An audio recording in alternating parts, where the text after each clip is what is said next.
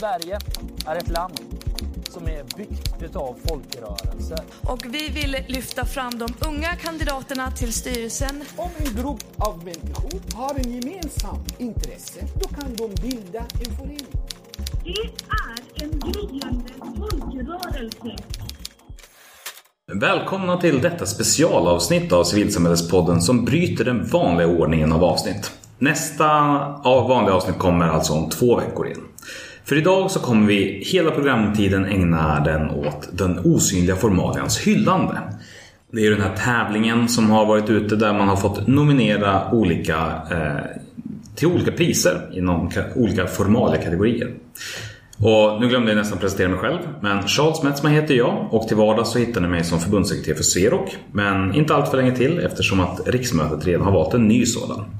Däremot så är det som vanligt så att jag här i podden representerar mig själv. Och idag så ska vi alltså prata först lite grann om vinnarna och lite generellt sett om den här formalia-hyllandet som vi ägnar oss åt. Eh, men det kommer jag inte göra själv. Utan med mig så har jag två stycken eminenta personer. Dels Anna Bergqvist, goddagens. Hej. Och sen, eh, ja precis. Eh, och henne känner ni ju förstås sedan tidigare då hon var höjdpunkten i avsnitt 19. Och nytt för nu så blir också att Pernilla Jönsson är med. Goddagens. Hej. Eh, och anledningen till att vi sitter här tillsammans det är ju för att eh, de här priserna delas ju ut i, sam, det, i samarbete med styrelsepost.se där ni båda är involverade. Eh, jag vet inte om det blev rätt ord med involverade men ni är delägare. Ja. Och kör, kör på den biten. Men för den som inte kommer ihåg då och som har glömt det sen avsnitt 19, vad är det styrelsepost.se gör för någonting? Vilka är ni? Vi jobbar framförallt med olika typer av styrelseutbildningar och valbildningsutbildningar eh, för ideella organisationer av olika slag, eh, stora som små. Eh, och en del årsmötesordförande eller årsmötespresidium på kongresser och mindre årsmöten. Så det här är någonting vi gör vid sidan om våra, våra vanliga jobb helt enkelt.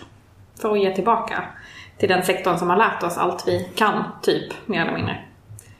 Bara som en nyfiken fråga, hur hittade ni varandra och kom att liksom starta den här idén? Hur vi hittade varandra var ju egentligen via civilsamhället. Från en eh, studentfacklig organisation där vi har suttit i samma styrelse, jag och Anna, för fem år sedan. Mm. Är det nu. Och det började faktiskt eh, med att jag motkandiderade mot valberedningsförslag som var Pernilla bittra rivaler alltså första gången vi sågs. Ja. Mm. Vi hamnade också lottade på, på middagen på kvällen eh, vid samma bord bredvid varandra. Jajamän. Eh, det var spännande. Eh, så så hittade vi. Det var inte så att eh, men... kärlek uppstod just den kvällen men... Eh, den växte fram kan man säga. Den växte ja. fram. Ja. ja. Det verkar ju uppenbarligen så eftersom att ni sitter här tillsammans nu. Eh, men ja, och det som bara för liksom full transparens så kan vi säga att det är styrelsepost.se som har eh, bekostat de här fysiska plaketterna som vi har delat ut. Eh, och så har ni varit med och hjälpt till i själva ut, utväljningsförfarandet, heter det inte alls det. Vad heter det? Hjälp mig. När man väljer själva juryarbetet har ni varit involverade i. Ja, precis. Och Sen så kommer ju jag fara runt och träffa de här olika människorna som har fått priser. Men jag tänkte att vi sitter grann lite och pratar om varför det här med formalia egentligen är värt att hylla och vad det är som är så fantastiskt med det. För att vi har alla lite grann en kittlande nerv när man nämner den här typen av grejer. Så varför ska formalia som inte syns så mycket hyllas? Det är väl just därför. För att den inte syns så mycket. Den får ju aldrig riktigt ta plats. I en organisation som under ett år jobbar lika mycket med interna frågor som externa frågor så är det ju av naturliga skäl de externa frågorna som syns. Men om man inte gör ett lika gediget internt arbete med till exempel de här olika kategorierna som finns med eh, och får pris här så får man, tror jag, inte ett lika framgångsrikt externt arbete. Men tyvärr så är det ju då oftast det externa arbetet man sen får cred för och inte det interna. Har du någon spekulation kring varför det liksom tenderar att bli så? Det där kan väl skilja sig lite åt i olika organisationer men ofta så är ju externa frågor i, i civilsamhället till exempel av politisk karaktär eller påverkanskaraktär. Och där går det ju att se den påverkan man har gjort mer påtagligt. Och det är politiska frågor och det är debattartiklar och sånt som syns. om jag sitter och redigerar i, i stadgarna så blir ju inte det synligt för den stora massan och det är ju inte heller någonting som nödvändigtvis behöver göra synligt för den stora massan. Men det är inte heller lika sexigt. Alltså prata styrdokument och stadgar. Det är inte lika många som tänder på det kanske som politiskt påverkansarbete. Fastän det egentligen är grundstenen för att det andra ska fungera. Men däremot så har jag märkt att de som faktiskt tänder på det, de tänder mycket hårdare på det än de som liksom tycker att det är externa intressant. Ja, absolut. Det skulle jag nog vara villig att hålla med om. Ja. Jag, jag skulle nog också säga att det är en eh, Formalien blir ju också någon slags bottenplatta för att organisationen också ska komma ihåg vad är det vi brukar göra. Sen kan man absolut utmana det. Det tycker jag alla dagar i veckan att man ska fundera på om, de, om den formalia man har på något vis ger den här organisationen rättvisa eller inte. Eh, det är ganska ofta vi träffar styrelser eh, och så håller man styrelseutbildning på deras överlämning och så visar man deras syfte Eh, det som står överst i stadgan. Och så är det liksom hälften sådär känner liksom inte riktigt igen sig. Eh, för att man kanske inte har förstått hela verksamheten. Utan så här, jag gick med av den här lilla, lilla delen av den här verksamheten. Och nu sitter jag i Riksförbundets styrelse och är fortfarande jätteduktig på den här lilla, lilla delen av verksamheten. Men fattar plötsligt att så här, jag är i ett sammanhang som är lite större. Eh, så det bygger ju också på något vis lite i den bästa av världar ett gott minne Eh, i organisationen. I den sämsta av världar så kan ju också formalia kanske hålla organisationen tillbaka. Eh, att så, här, så här har vi alltid gjort och det står i stadgan och ibland så kan ju stadgan vara så lång så att man liksom baxnar lite. Eh, ibland träffar man ju valberedningen som nästan har en, en hel arbetsordning i stadgan. De får nästan inte göra någonting annorlunda från föregående år utan att det ska gå två årsmöten på varandra innan de får förändra sitt arbetssätt. Och då kanske den går lite för långt. Och det är väl det som blir problemet också tänker jag när det handlar om huruvida formalia uppmärksammas. Att det tyvärr ofta uppmärksammas av negativa skäl. För att har man gjort ett bra jobb med ja, stadgar, eh, styrdokument och annat. Då behöver man ju inte Ja, det behöver inte bli, bli några konflikter kring det. Man kan, kan och bör, skulle jag säga, fortfarande lyfta det årligen eller hur ofta man nu byter ut styrelse och annat för att diskutera det och se att det fortfarande är uppdaterat och att man fortfarande är överens om att det är så man ska göra. Men det kommer ju inte skapas några konflikter eller frågetecken kring det om man har gjort det gedigna bakgrundsarbetet. Utan det är snarare de organisationer där man har missat någonting eller gjort skrivningar som skapar förvirring. Det är då frågorna väcks. Och då väcks de ju aldrig med positiv klang utan då är det ju någonting som är fel eller något som har gått dåligt eller någon som klagar på någonting. Så att formalian får ju oförtjänt mycket skit också på det sättet. Ja, för att när det funkar så funkar den. Ja, och då syns den ju inte. Så att det är ju lite taskigt på det sättet. Ja, nej, men det är ju ganska spännande för att ur de här kategorierna som jag valde ur då så är det ju fyra stycken ska man säga, dokument eller skrifter. Och sen så finns det också en förtroendepost. Eh, och det är ju revisorsposten. För att jag, jag kände ändå att den hör hemma bland de här människorna på samma sätt som att dokumenten kan glömmas bort. Så en, en revisor som fungerar som allra bäst märks ju inte. Utan den kommer in och gör ett litet instick och sen så backar tillbaka igen till skuggorna och väntar på nästa reaktiva grej. Mm man revisorer generellt sett och kanske också valberedare skulle jag säga. När de också funkar så, så kanske det inte heller märks. Liksom, utan de förankrar sitt förslag på ett så bra sätt att det bara är helt självklart. Eh, men revisorer är ju också en tuff... Sista åren har jag ja, i alla fall haft ett eller två revisorsuppdrag löpande och det är ju en tuff roll ofta.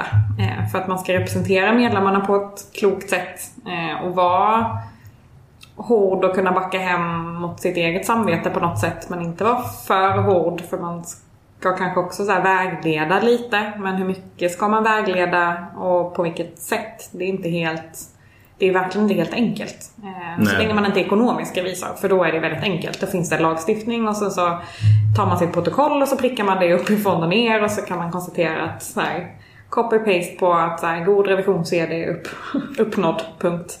Eh, men är man just verksamhetsrevisor så är det ju ganska... Det är svårt att hitta den balansen. Eh, precis som i formalia i största allmänhet.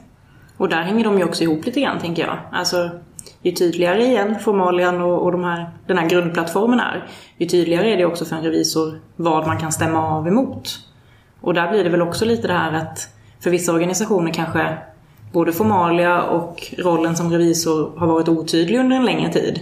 Och då kan det vara svårt att göra det här skiftet. För att det kanske nästan kan bli en, ja, men en konfliktsituation mellan revisorer och organisationen eller styrelsen. För att man eventuellt ser på saker på olika sätt eller har lättare eller svårare att ta till sig konstruktiv feedback som revisorerna förhoppningsvis då kan komma med. Men den är ju också lättare att utforma på ett tydligare sätt om man tydligare vet vad man har att förhålla sig till. Och att det finns eh, sån dokumentation i organisationen. Ja men där blir ju verkligen alltså, gränsen mellan vad som är ett formellt påpekande av någonting och vad som är ett tyckande blir väldigt mycket mer luddig om, om liksom det skrivna är, är dåligt eller otydligt formulerat. När jag var revisor någon gång så gjorde vi en så här halvårsrapport. Att så här, om vi låtsas att det är årsmöte idag så skulle vi skriva så här. Bara för att styrelsen skulle få liksom en känsla för ungefär var, vad tycker vi att vi landar just nu. Ehm, och så kan man ju också säga, ibland behövs det ju på något vis att man sätter ner det på, på pränt. Liksom. Ehm, men sen tycker jag väl generellt sett att så här, att vara revisor i sin egen organisation som man också bryr sig väldigt mycket om och kanske suttit i styrelsen själv och, och sådär. Det är inte helt enkelt heller. Eh, så att precis som det här blir ett sätt att, Eh, att så här, fira framgångar och lyfta goda exempel, att så här, stjäla från varandra, så tror jag så här, just revisorer också. Så här, jag vet inte sjutton om jag inte skulle vara en bättre revisor i en organisation som jag har lite mindre hjärta i. Eh, för att man kanske kan tänka mer formalia och systematik eh, snarare än så här, hur skulle jag ha gjort om jag satt i styrelsen? Eh, för ibland är det lite svårt att släppa, släppa den rollen. Eh, och det är väl där många, många revisorer väljs ju av gamla styrelseledamöter. Eh, och det är ju på gott och ont, skulle jag säga. Ja, de kan ju också ha med sig historik som inte längre är relevant. Men som är väldigt lätt att relatera till för att man själv har den, den erfarenheten.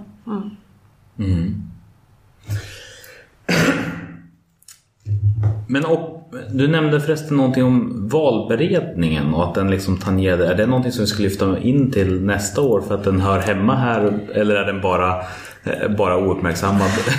Alltså hela Styrelsepostens verksamhet startade ju för fem och ett halvt år sedan för att vi var så otroligt jävla trötta på dåliga valberedningar som aldrig gjorde sitt jobb. Eh, antingen för att de hade för mycket makt och tyckte alldeles för mycket och inte hade fog för det. Eller att de inte tog sitt uppdrag på allvar. Eh, så att jag tycker ju alltid att vi ska hylla valberedningar. Eh, generellt sett, alla dagar i veckan. Eh, så det, det tycker jag absolut att vi bör, bör ha med. För det är också ett uppdrag som är, som är tufft. Mm. Jag kommer ihåg ett tidigare avsnitt eh, som handlar just om valberedningar så med Mimmi Garpebrink. Så pratade hon mycket om det här med de övriga förtroendevalda. Alltså revisorerna och valberedningen. De som inte får samma uppmärksamhet. Nej. Nej, och oftast är ju valberedningen inte heller någonting som valbereds. Utan så här, det löser vi i pausen på vägen ut. Eh, när folk vill gå och fika och börja titta ner i marken. Då är det dags att välja valberedning på volley. Eh, och då tänker jag att man får den typen av valberedare som man förtjänar. Eh, så. För att det är inte så lätt att bara liksom, begripa sig på det och ställa sig upp och kandidera på sittande möte. Eh, sen tycker jag också att vi bör tacka av valberedningarna. Så här, alla ni som ska ha årsmöte snart, för guds skull, så här, köp blommor till dem också. Vi kan ju börja där i alla fall. Eh, så att de inte bara smiter ut bakvägen på scenen. Liksom. Eh, Nej, det känns som att det så lätt glöms bort. Inte bara valberedningen i sig själv, men vad deras roll är. De ska ju liksom bereda valet av de som sen ska leda organisationen. Och då är vi tillbaka igen till grundfundamentet. Om vi inte har ett bra förberedelsearbete där, vad får vi då? Och hur funkar då? Då kanske det inte spelar någon roll. Även om vi har världens mest fantastiska formalia, om vi sen inte har en grupp som kan jobba tillsammans med att utveckla den och ta verksamheten framåt, uppåt till nästa steg. Då spelar ju inte varken det ena eller det andra någon roll. Så att det känns ju som att allt det här hänger ihop någonstans. Och där blir ju både revisorerna kopplat till formalian och valberedningen kopplat till de som ska utföra viktiga nycklar. Spännande, det får vi tänka på till nästa år eh, och se vad som händer. Men innan vi... Jag känner att eh, snart ska jag ge mig iväg och liksom prata med de som faktiskt har vunnit och se eh, hur, hur de känner och hur de har tänkt kring de här sakerna. Men innan vi gör det så tänkte jag bara fråga Har ni någon personlig favorit bland ka- alltså de här eh, kategorierna? Och i så fall vilken? Ja, alltså jag tycker ju alltid att, att ekonomiska berättelser är spännande. Eh, inte bara den som har kammat hem priset utan generellt. Hur lyckas man i ideell sektor beskriva ekonomi på ett sätt som inte blir att så här, vi har gått plus i år och det har gått bra för oss så att det finns pengar kvar. Eh, för då blir jag lite allergisk och säger att då har ni snott pengar från medlemmarna helt i onödan. Eh, och hur lyckas man liksom omsätta pengar och verksamhet i skrift så att man hänger med?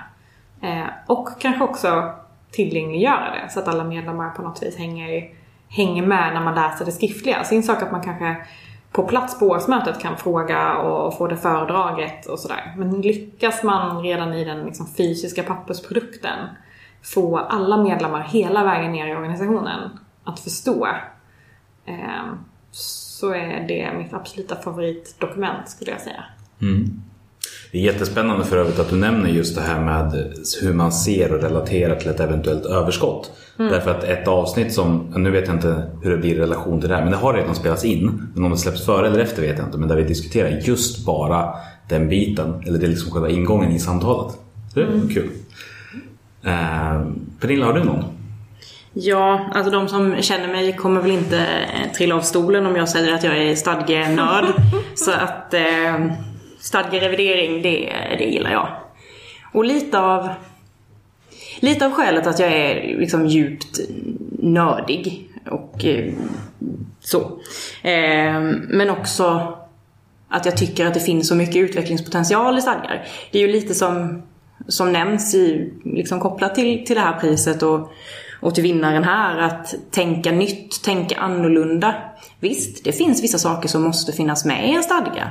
Men exakt hur du ska skriva dem eller sådär, det finns det ju ingen som har bestämt på det viset. Så att man måste ju inte vara sådär tråkigt traditionell om man inte vill det.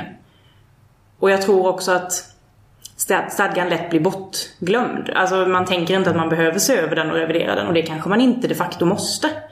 Men då kommer vi tillbaka lite igen till egentligen samma princip som Anna lyfter. Att hur lätt är det att läsa den här och förstå vad den innebär? För en ny person som vill engagera sig. Eller bara bli medlem för den delen och förstå vad, vad håller den här organisationen på med och vad, vad är syftet och vad ska det här leda till? Men också att den ska vara enkel att jobba efter. Och ju tydligare skrivningar man har, ju lättare blir det. Men jag tror inte att det är så många som tänker på att gå in och göra redigeringar eller göra förtydliganden på det sättet som till exempel eh, vinnaren i den här kategorin har, har valt att göra. Tack så mycket. Eh, är det någonting som ni vill lägga till av någon anledning eller som känns som att det här vill jag också vara med?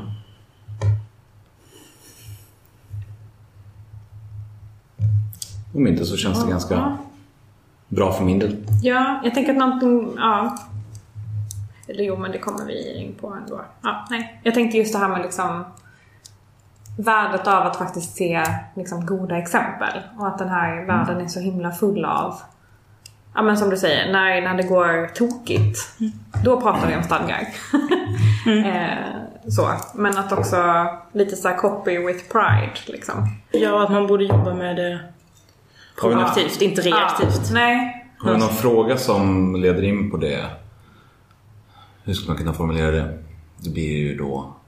Jag tänker att så här, vad vi hoppas att de här priserna kommer, kommer leda till. Mm. Jättebra. Mm. It's a teamwork. Mm. Och slutligen då, eh, som en sista grej innan jag ger mig iväg. Vad, eh, vad hoppas ni att de här priserna kommer leda till eller ha för effekt? För att trots allt så är det ju bara en plakett till en organisation per pris. Liksom. Vad, vad kan vi åstadkomma med det här?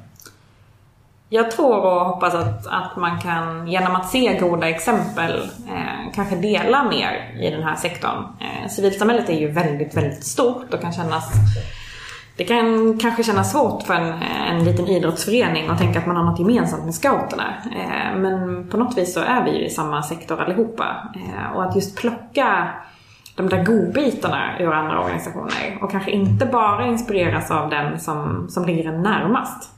Eh, Utan vågar gå lite utanför eh, sin närmsta sfär. Eh, annars är det ju så här, idrottsrörelsen hänger för sig och elevrörelsen hänger för sig. Och, men egentligen så är vi ju samma, samma stora moln av organisationer. Och köra lite mer liksom copy with pride.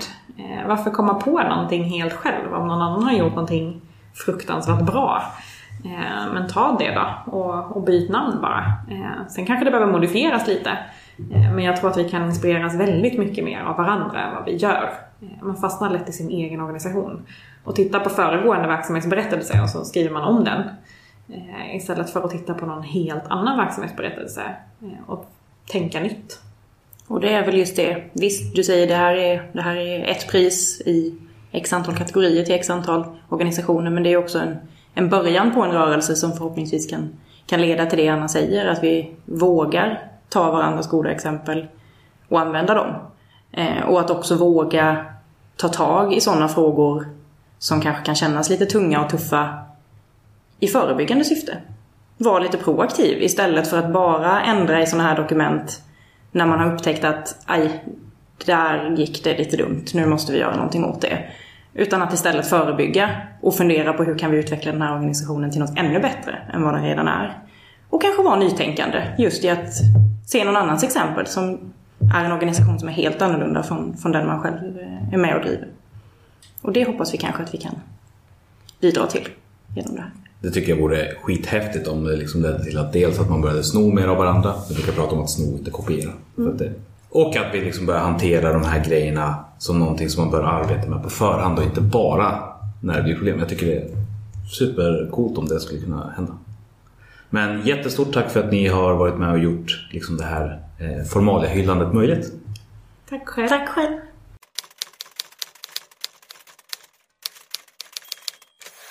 Då sitter jag här med Sara Gunnerud från studieförbundet Ibn Rushd. Eh, Men vi sitter här för att ni har blivit tilldelade Årets verksamhetsberättelse 2017. Stort grattis! Tack så jättemycket. Det känns väldigt, väldigt roligt. Ja. Eh, Är det någonting särskilt som känns kul? Det känns eh, roligt för att eh, vi har jobbat ganska mycket med, med den. Eh, och det känns kul att den också att den har uppskattats av andra. Det är ju ett... Man lägger ju den till handlingarna liksom så. Så det är kul att det är någon som så här, ja, såg den. Det känns roligt. Ja. Den motivering som har skrivits det är då verksamhetsberättelsen 2015-2016 är en tydligt genomtänkt skapelse. Den har förutom en omsorgsfull design ett tydligt fokus på att tillgängliggöra. Språket som används är tillgängligt och den stora mängden grafer och bilder gör det enklare att ta in och förstå. Sammantaget är det en inspirerande skrift som lyckas väl med att förmedla vad perioden inneburit för organisationen. Kan du känna igen dig i den motiveringen? Eh, jag tycker att den motiveringen är jättefin och det känns också väldigt roligt för att det var mycket så vi tänkte när vi gjorde den. Ehm, vi är ju en organisation, ett studieförbund inom folkbildningen. Som vi är ett av de minsta studieförbunden och ett av de mest okända. Så för oss så är det ju viktigt att berätta om vår verksamhet och verksamhetsberättelsen är ju fyller ju en funktion på det sättet. Att kunna visa till exempel nya kommuner där vi vill ha en förening som vill starta eh, upp verksamhet till exempel. Och så undrar de, men vad är ni för studieförbund? Att kunna visa då vad vi gör. Och då måste det ju vara tillgängligt ehm, för att det ska gå fram. Så det känns jättekul.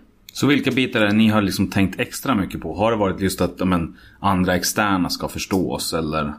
Ja, det skulle jag säga. Eller, delvis det, med att visa vad vi gör på ett sätt som når fram. Och som så här, jaha, är det det här de gör? Eh, visa det. Eh, jag är ju, min yrkesbakgrund är att jag är examinerad språkkonsult i svenska. Så jag är ju egentligen expert på att göra språklig information begriplig. Så det är kul att det verkar ha ja, uppfattats så. Eh, och just det där att eh, vi har ju vårat liksom, fikonspråk eller byråkratspråk också i folkbildningen. Men det kan man ju inte använda när andra utanför ska kunna förstå vad vi gör. Så att försöka tvätta bort det och förklara vad vi gör på ett sätt som är begripligt för andra är ju målet. Eh, så det känns jättekul att få ett pris som verkar indikera att vi har lyckats med det. Och vad var det som fanns innan? Som ni, har det liksom varit en medveten satsning bara just kring eh, verksamhetsberättelsen eller har det varit någonting som har varit mer genomgripande det här, där det syns? Det här är ju inte bara någonting som vi tänker på att göra i verksamhetsberättelsen. Eh, vi är ju en väldigt okänd organisation och vår verksamhet är okänd. Det finns mycket missuppfattningar och okunskap om det. Så vi försöker ju i vårt kommunikationsarbete överhuvudtaget eh, visa vad vi gör på ett begripligt och tillgängligt sätt. Det är det enda sättet att nå fram. Eh, om man inte är intresserad av vad vi gör redan så kan vi inte vara tråkiga och krångliga. För då kommer absolut ingen vilja ta del av vad vi gör. Så vi måste eh, vara tillgängliga.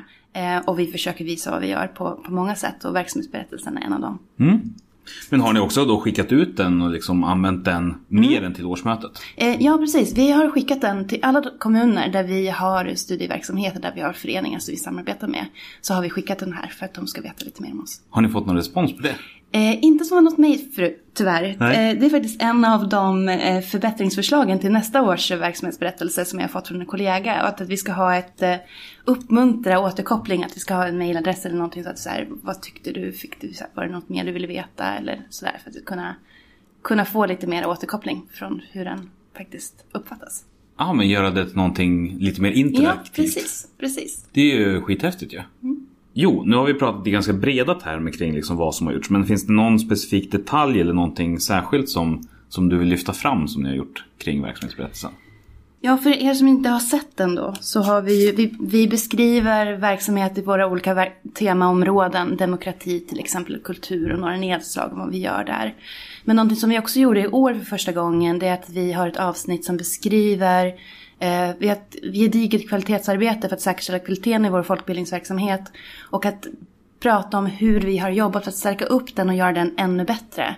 Eh, är någonting som vi har har gjort den här gången som vi hoppas kunna fortsätta göra för att visa på hur vi arbetar och också för att det är förtroendeskapande att liksom prata om hur vi, hur vi ser till att vår verksamhet är bra, hur vi utvecklar den och hur vi ser till att vi har uppföljningsrutiner för att, för att eh, kolla kvaliteten och den typen av saker. Bara baserat på att ni är relativt ungt studieförbund eller?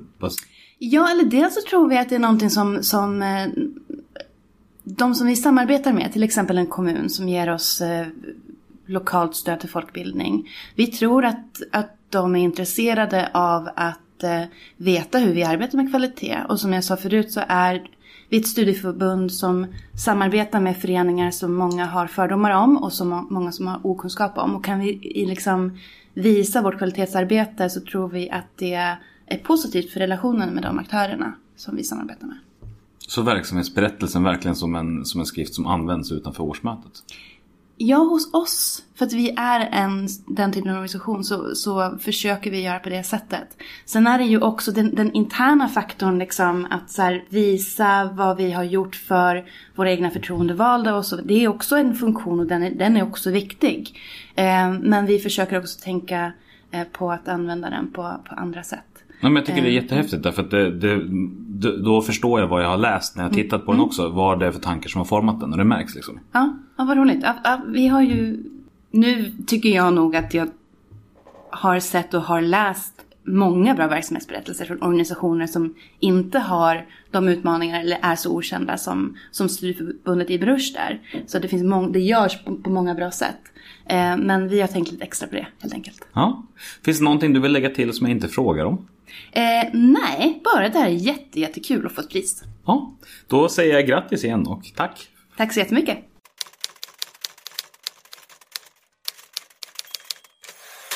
Då sitter jag här med Lina Hultqvist som är ordförande för Sveriges elevkårer och jag kan väl börja med att säga grattis då. Tack så jättemycket.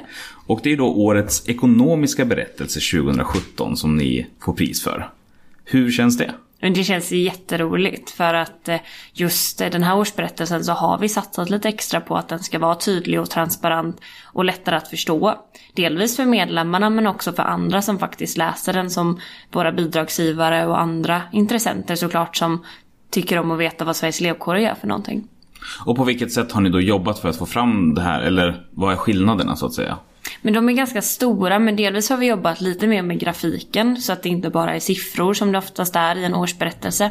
Men vi har också skrivit en längre förvaltningsberättelse om vad vi gör och hur vi har gjort saker. Så att det blir lite mer ingående information för de som faktiskt läser den. Så att du inte heller behöver gå och läsa väldigt många olika typer av dokument som finns utan du kan läsa årsredovisningen och få en väldigt bra översyn av vad som har skett under året. Och är det här någonting som ni märkte av från medlemmar och så? också? Att de, eller har de märkt skillnaden?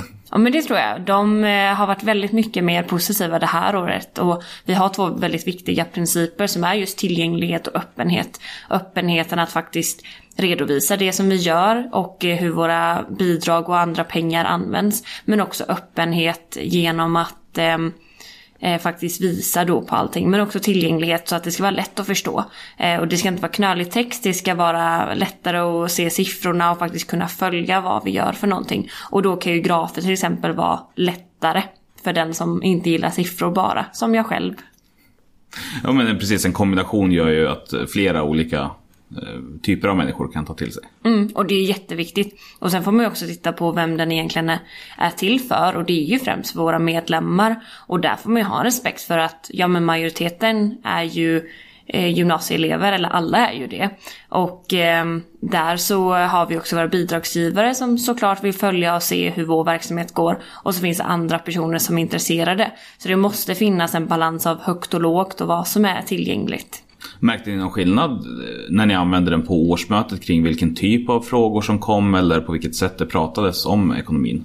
Ja men lite, men sen är vi också, eh, har vi en annan typ av metod när vi just redovisar ekonomin. Så då kör vi en bra powerpoint med mycket staplar, mycket grafik. Så att det blir ännu tydligare än vad som till och med är i själva årsredovisningen, får man ändå säga. Och det är ju just för att det ska välkomnas med frågor och en förståelse från medlemmarna under årsmötet. Så det är än viktigare hur man presenterar den. Så ni har inte bara deluxe-varianten i handlingen utan sen så har ni deluxe-deluxe-varianten på själva mötet också? Precis. Fan vad kul. Men den eh, motivering som då eh, är kopplad till det här priset som delas ut. Den ekonomiska berättelsen för 2016 visar på ett föredömligt vis upp för medlemmarna hur ekonomin ser ut. Istället för att bara visa siffror rakt upp och ner så anstränger de sig för att tillgängliggöra och förklara vad siffrorna betyder. Det vilar på varje medlems ansvar att informera sig, men Sveriges elevkårer gör det hela lite enklare. Och det låter ju som att det stämmer ganska väl överens då med de ambitionerna som ni har haft. Ja men verkligen och det har varit en viktig satsning i egentligen alla dokument som vi har att kunna visa. Och vi har ju också kvartalsrapporter som vi släpper var tredje månad till medlemmarna och till andra då som finns tillgänglig på hemsidan. Och där kan man följa hur resultatet har gått och vår försäljning men också hur vi ligger till i kassaflöde. Alltså vilka pengar som vi har på konto och vad som har gått ut. Och det kan ju också vara viktigt för att faktiskt kunna se både som medlem men också bidragsgivare och, och sådär att vi faktiskt har pengar för att kunna leverera även nästa månad och att vi har koll på vart pengarna går. Och det tycker jag är väldigt viktigt att man inte bara heller som medlem får en rapportering på årsmötet utan man får den också kontinuerligt från vår sida. Och vad, där är det lite spännande tycker jag, för det finns ju ganska, det är ett radikalt ställningstagande jämfört med resten av civilsamhället att vara så transparent med ekonomin. Mm. Vad ser ni för fördelar med det? Men vi tycker att det är bra delvis för vår egen skull. För att vi följer den så pass noga. Och då är det också lika bra att medlemmarna faktiskt får se att delvis att vi har koll. Men också att de kan ha koll. Och se vad som faktiskt händer. Många gånger när man faktiskt är medlem kan det vara lätt att medlemsservice och förmånerna som medlem försvinner någonstans. Men genom att faktiskt få det redovisat så pass ofta för sig. Så tror vi också att det blir tydligare vad, vad medlemsvärdet i Sveriges elevkårer är. När, när, när medlemmarna faktiskt kan läsa och se det. Men också såklart att vi har många bidragsgivare i form av kommuner och landsting. Och där blir det också viktigt att visa på att vi kan med hanteringen av det som de ger oss och att vi gör värde utav det. Och då är det bra att visa på de sakerna tycker vi. Men det är ingenting som eh, eventuella då konkurrenter inom citationstecken skulle kunna använda och mot er? Nej men eh, vi tycker väl det är bra om fler organisationer tar efter och, och redovisar transparent och visar vad de faktiskt gör för någonting. Sen så är det ju ganska ovanligt att organisationer och företag för den delen också redovisar kassaflöden på det sättet som vi gör. Men där har vi också en bakgrund som vi eh, tar här väldigt viktigt av. Att så här, men vi har haft problem med att ha likviditet förr i tiden. Och då blir det viktigt att visa medlemmarna med de här insatserna vi har gjort för att förbättra det och alltid ha koll på våra utbetalningar och inbetalningar. Och här kan ni också se att vi har koll på det. Så det blir någonstans ett ge och ta från, från styrelsen och medlemmarna. Jättehäftigt tycker jag. Eh, finns det någonting annat du vill säga med anledning av det här? Nej men det är jätteroligt och det är kul också att se att när man lägger resurser på att förbättra saker så uppmärksammar inte bara ens egna medlemmar det utan också andra personer inom civilsamhället. Jättekul och återigen ett stort grattis. Tack.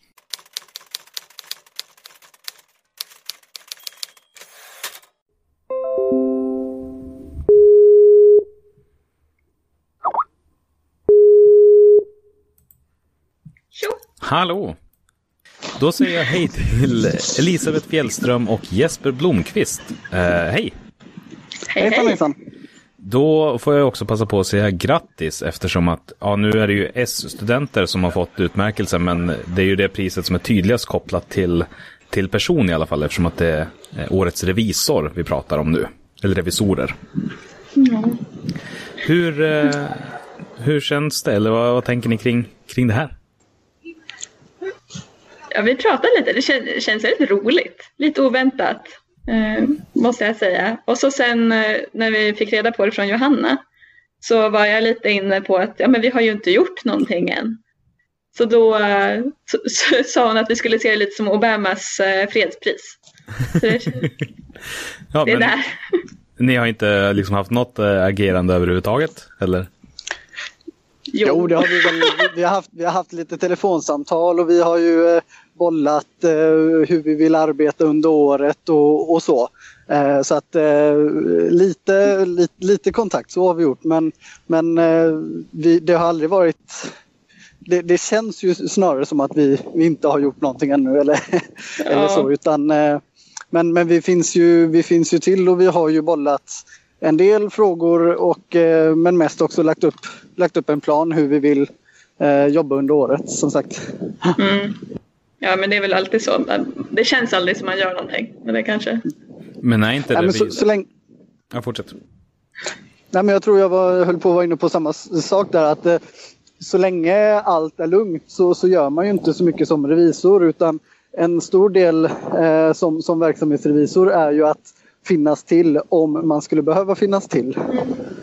Men är, Så att, eh, är det inte lite så också att när om en revisor verkligen sköter sitt jobb snyggt så även när det har behövts göras mycket så märks det inte särskilt mycket?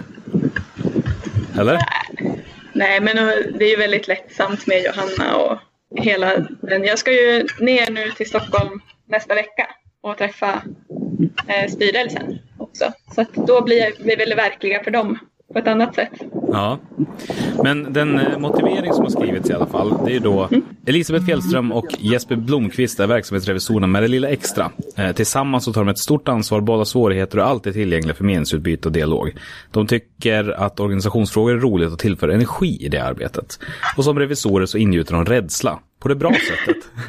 Samtidigt som de alltid går att bolla med eftersom de ställer relevanta krav och frågor. De utvecklar organisationen till att bli mer professionell, mer transparent och mer medlemsvänlig. Kan ni känna igen er i den biten? det är väldigt fint. Eh, så, men ja, vi, eh, jag och Jesper har ju dels suttit i Studenters förbundsstyrelse tillsammans innan och hållit på en del med, ja, med frågor som berör vår organisation. Och så nu var vi med i den organisatoriska utredningen som studenter gjorde. Och ja, men för en organisation som har väldigt snabb genomströmning så är det ju jätteviktigt med organisationsfrågor. Och just hur man ser på vart man ska vara och sådär. Eh, så att, nej, men det känns jättekul. Det här med att vara eh, ingjuta rädsla på det bra sättet, det får man väl skriva på CV eller någonting. Ja, nej precis. Och det, det är ju lite det eh, som, eh, som verksamhetsrevisor att, att man, man ska ju ligga på och kunna de, de formella bitarna samtidigt som man känner organisationen och eh, vilka förutsättningar och utmaningar organisationen kämpar med. Och det, det kan ju vi båda två samtidigt som vi då hela tiden eh, vill hålla oss till styrdokument och att det ska eh, ske formellt rätt också. Och det är väl där någonstans att minsta lilla, minsta lilla tänjande på, på någon regel eller, eller på ett eh, frångå ett styrdokument så, eh, så känner väl Johanna att det kommer vi att upptäcka, eh, det kommer vi märka. Eh, så att eh, de, eh, de håller sig väl på tårna. Eh, lite så. Ehm, så att det är väl, jag tror att det är lite det hon, hon eh, syftar till. Just den rädslan så. Det går inte att komma undan med någonting. inte för att jag har någon anledning att tro att de vill komma undan med någonting men ja. Men ni nämnde tidigare också lite grann att ni hade suttit och skissat på en plan eh, för hur ni ska arbeta under året. Det tyckte jag lät spännande för att ofta så brukar ju revisorsposterna bara rulla igång och sen aktiveras vid behov. Men vad, vad är det för plan? Hur går det för dig Jesper? Jo, det går bra. Ah, Okej, men ska du börja då? Så att, eh, Ehm, nej, okej. Ja, nej, men, Eh, vi, mest, vi har väl mest bara pratat om eh, eh, när vi vill ha en regelbunden avstämning och hur det ska gå till om man skulle behöva lyfta någonting vid behov och sådana här saker. Så att eh, det är mer att vi har diskuterat igenom en, en tänkt plan. Så. Eh, ja, men och dels hur vi ska höras av eh, och eh, sen när vi, att, att vi finns tillgängliga för Johanna. Det var ju en av de första när vi pratade. Dels så gick vi ju igenom den nya stadgan eh, som man antog i, samtidigt som vi blev valda. Och är det någonting där som är oklart? Och då hittade vi en sak framför allt eh, och den regleras nu i ett annat dokument. Och eh, att vi är tillgängliga. Alltså om det finns någon organisatorisk fråga så är vi tillgängliga och det var väldigt viktigt att det kom fram tidigt Eh, skulle jag säga. För det, annars är det att revisorn väljs och så är man oftast inte där. Ehm, utan det är någon man bara så här, vi måste ha en revisorsberättelse. Oj, nu kom. Eh, vi måste ha en revisorsberättelse i slutet på året.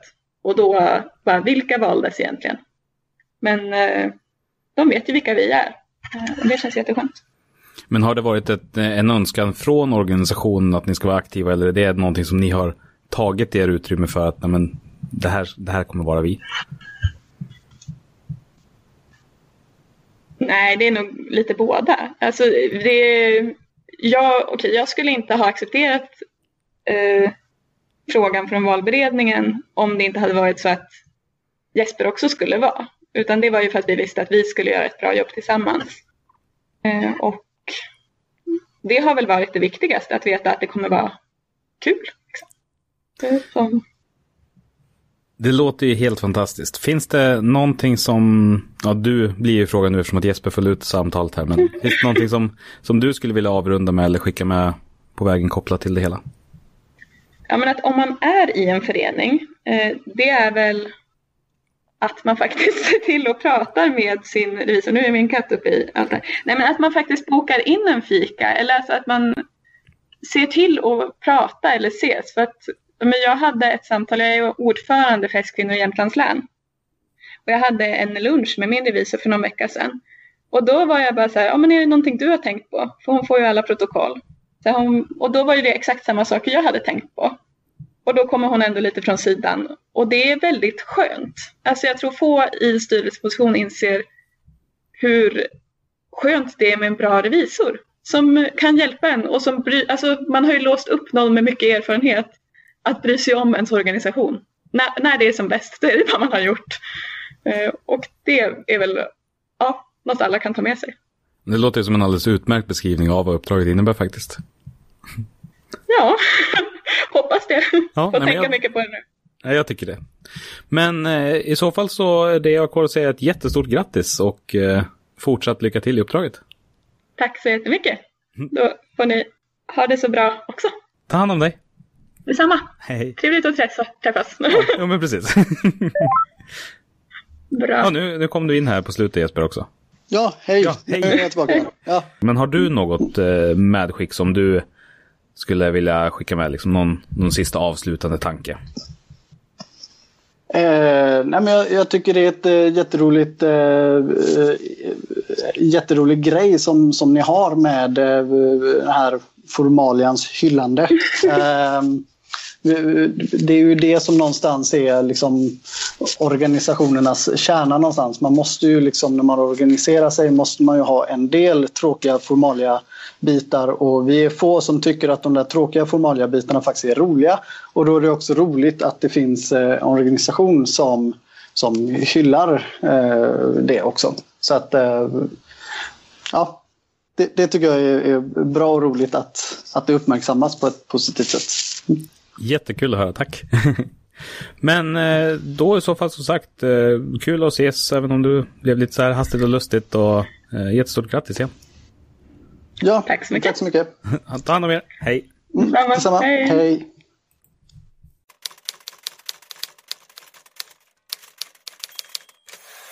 Ja, men först och främst jättestort grattis till priset för årets stadgeändring. Tack, tusen tack. Ehm, hur, eh, berätta mer. Vad, vad, var det här, vad är det för stadgeändring som har gjorts och varför? Och, eh, vad var det som liksom föranledde att ni tog den här ändringen överhuvudtaget? Ja, eh, jag började jobba för snart två år sedan på Skolidrottsförbundet.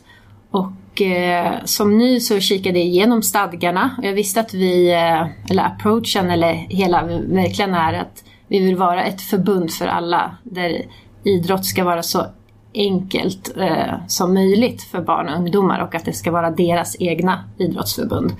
Det är barnen som styr i skolidrottsförbundet. Det är så det ska vara.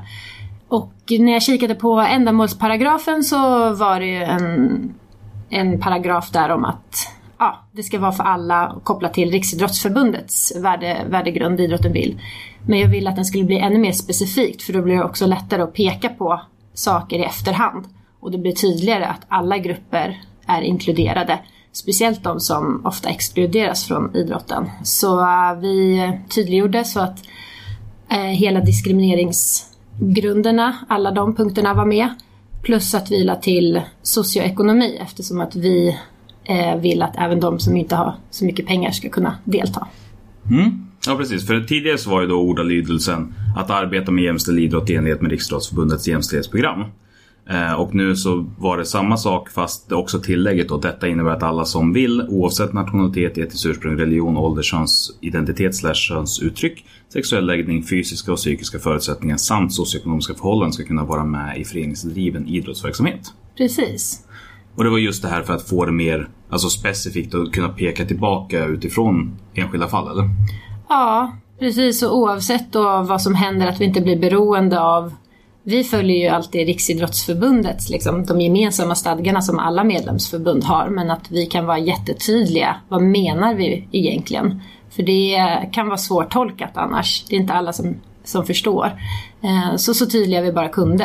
Eh, så att det är lätt att peka om det skulle vara något, något fall som bryter mot detta. Och också uppmuntra till att tänka till kring de här grupperna. Och det sätter ju också mer press på oss att jobba med de här frågorna. Och varför kändes det viktigt att få in det just i stadgarna och inte på något annat sätt eller annan del av organisationen? Eller varför, ja. Jag tycker det är viktigt att få med överallt. Eh, det som slog mig när jag såg det var bara att ja, men här har vi eh, en enkel chans att specificera. Eh, och finns det med i stadgarna, då kan man alltid, det är liksom det tyngsta och det måste ju till ett årsmöte för att förändras. Så, så det är viktigt det är, många tycker det är lite torrt med stadgar och den typen av arbete men eh, ju längre jag jobbar här desto mer fattar jag hur viktigt det faktiskt är. Eh, för det är, ja, det är demokratins grund, liksom. det, är, det är vårt förbunds regelverk och eh, ja, det har tyngd i sig. Men, men, men var det så att du kom in liksom i tanken då av, av, att det här var något som skulle förändras och inte så mycket syn på stadgar generellt sett innan och sen i efterhand så har du fått en större kärlek för stadgar generellt också? Eller?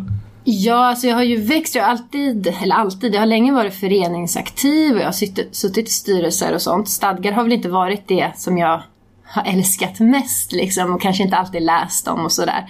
Men ju längre jag har jobbat här och eh, ja, det var ju även innan jag förstod eller anade hur mycket stadgar kan spela och, och vad de bör spela på det sättet att de, de ligger ofta man kanske inte, en förening kanske inte ens har koll på sina stadgar, så kan det ju vara. Så ett arbete är ju att det ska finnas i stadgarna, men sen är det också hur lyfter vi fram det? Ehm, hur lyfter vi fram vår värdegrund och gör den till verklighet? Eh, för det ska ju inte bara handla om att vi ska hitta stadgarna när någonting dåligt har hänt, utan det ska ju eh, finnas saker som hela tiden eh, gör att det här eh, arbetas med. Och hur gör ni för att levandera stadgarna i vardagen? Det tycker jag låter jättespännande. Ja, vi arbetar väldigt mycket med eh, våra egen värdegrund. Eh, att, eh, som, som är gemensamt med eh, eh Riksidrottsförbundet Idrotten vill. Eh, som är en stor del för oss är det här med un, ungdomars inflytande, barn och ungdomars inflytande. Så dels har vi stor del i vår, vårt utbildningsmaterial eh, kring eh, Eh, normkritik, att bli normmedveten. Vilka normer präglar idrotten och hur kan vi på riktigt göra att alla känner sig välkomna? Inte bara säga det utan hur får vi folk att känna sig välkomna och inkluderade? Eh, så vi har det i vårt utbildningsmaterial och jobbar hela tiden för att öka vår egen normmedvetenhet.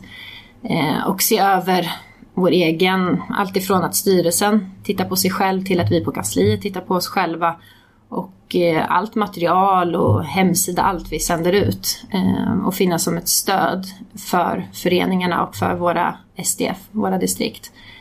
Mm, så. Men, men det är ju ett stort arbete och eh, det, det, pågår hela tiden och vi kommer ju aldrig bli klara. Det är, det är som kondition, man måste träna på det hela tiden.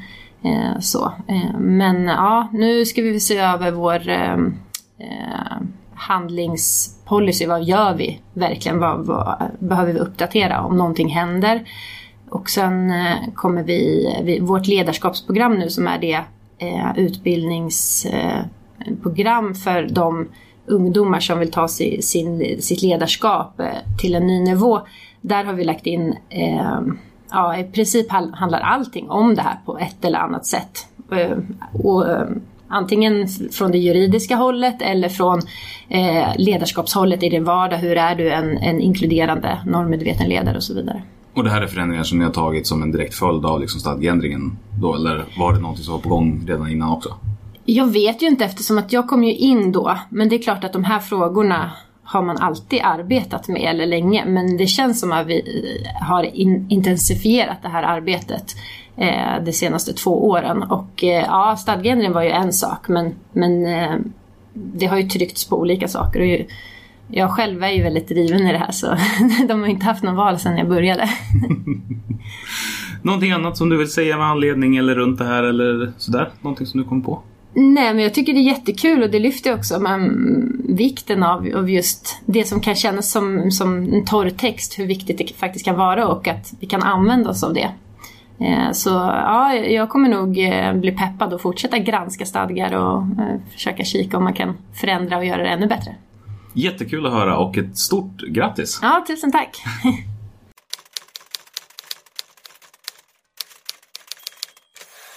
Då sitter jag här tillsammans med Isabelle Benfalk, ordförande UNF. Jajamän. Och då ber jag få gratulera till årets styrdokument 2017. Tack så mycket! Tack! Hur känns det att få ta emot det här priset? Det känns eh, superkul, för det här är inte någonting som vi... Eh, det här är någonting som bara är självklart.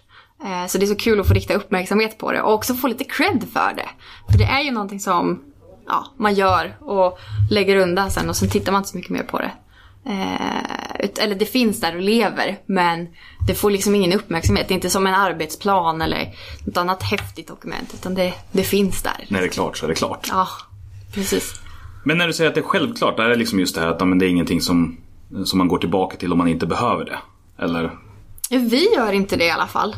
Eh, utan det är när det uppstår eh, knasigheter eller när vi märker att det här, det här behöver vi uppdatera. Då tittar vi på det. Eh, så det är inte ett sånt vanligt uppföljningsdokument skulle jag säga. Utan det finns ju där för att eh, sätta ramarna för vår verksamhet. Så att jag personligen tittar ju ganska ofta på det. Men som, som styrelse så tittar vi inte så ofta på det tillsammans. Och för tydlighetens skull så pratar vi alltså om det dokumentet som nu var det som gjorde att ni fick det här. Precis. Vilket var delegationsordningen. Ja. Kan du bara övergripande då säga vad det är för typ av styrdokument och vad den gör för er? Mm. Nej men våran delegationsordning eh, den sätter ramarna egentligen för varje post. Vad man har för eh, beslutsmässighet, vilka beslut man kan ta, eh, vilka punkter som, som vi ska informera om. Eh, och då har vi liksom olika roller i det här dokumentet. Då. Så då har vi generalsekreterare, förbundsstyrelse, förbundsordförande, förbundskassör och, och lite andra. Ett arbetsutskott till exempel. Eh, så varje person som har en roll i delegationsordningen kan titta i den och se vad kan jag ta beslut om? Vad behöver jag informera alla andra om? Eh, och vilka beslut behöver jag ta tillsammans med någon annan? Så den sätter helt enkelt ramarna för, för oss som grupp men också, också oss för, som individer. Mm. Och jag har ju sett ganska många varianter av just det här men ni använder ju er av den uppställningen att det är i tabellform. Mm. Hur kommer det sig att ni har valt eh, det sättet? Jag, tror, jag försökte grotta lite i det här eh, och se vart det någonstans uppkom. Eh, men det är ingen som riktigt vet det. Vi är ju en, en ganska gammal folkrörelse. Så jag tror att det kan vara ett sånt som, som lever kvar sedan länge. Eh, så att det bara har alltid varit så. Eh, och ingen har riktigt ifrågasatt varför, för det funkar ju. Mm. Det är väldigt tydligt. Alltså dokumentet i sig är ju två tre sidor. Så att det, är inte, det är inte ett tungt dokument. Eh, så jag gillar tabellformen väldigt starkt. Men vart det kommer ifrån, ja det är få. Det, det är säkert någon där ute, någon gammal räv som kan svara på det. Men jag kan tyvärr inte göra det. Nej. Hur skulle du beskriva din egen hållning till styrdokument generellt sett? Är det här liksom ett pris som du tar emot och säger att så här, fan vad kul? Eller är det mer av stil så här, ja jo vi har ju styrdokument men ja. Nej, jag tycker att det här är superkul. Eh, alltså styrdokument i sig, det är ju ett ganska tråkigt ord bara där att börja med. Men det som instans eller funktion är ju väldigt kul. För utan till exempel delegationsordningen eller eh, arbetsordning, då vet vi ju inte hur vi ska arbeta eller organisera oss. Eh, som, som förbundsordförande är det jätteskönt att ha det på, på papper och veta vad jag får ta beslut om. Eh, så jag gillar styrdokumenten starkt och tycker att det är superkul att dels skriva dem men också diskutera dem. Eh, och också se hur andra gör. Eh, för det finns ju miljoner varianter. Vårt är ju bara ett sätt. Liksom. Och vad skulle du själv beskriva är det bästa med just med er delegationsordning? Varför ska andra efterhärma just den? Du, det finns ju, och det ska ju också sägas att utifrån de som kom in som var nominerade så var det väldigt brett alltså olika typer av styrdokument. Mm. Så det var lite svårt dels att avgöra alltså sinsemellan vilket ska vi premiera i år. Men, men den här gången så blev det just det här på motiveringen att eh, delegationsordningen sätter inte bara ramarna för vilken del av organisationen som gör vad, utan också gör detta med en tydlighet som är beundransvärd.